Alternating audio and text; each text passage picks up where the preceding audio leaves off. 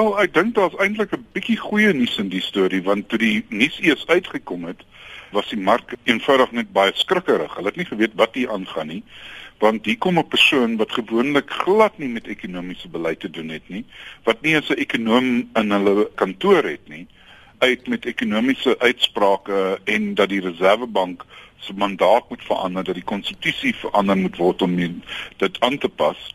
En uh, sy het heeltemal haarself lyk like my oortree, maar die feit van die saak is, ek dink die markte hou van die idee dat dan nou al hoe meer mense dat die parlement gaan optree, dat die minister van finansies gaan optree in beskerming van die Reservebank en sy mandaat.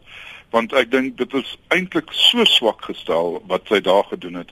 Sy verstaan nie eers wat inflasie doen aan arm mense in die eerste plek nie. Die tweede ding wat sy nie verstaan nie is dat die Reservebank in elk geval nie net kyk na inflasie nie.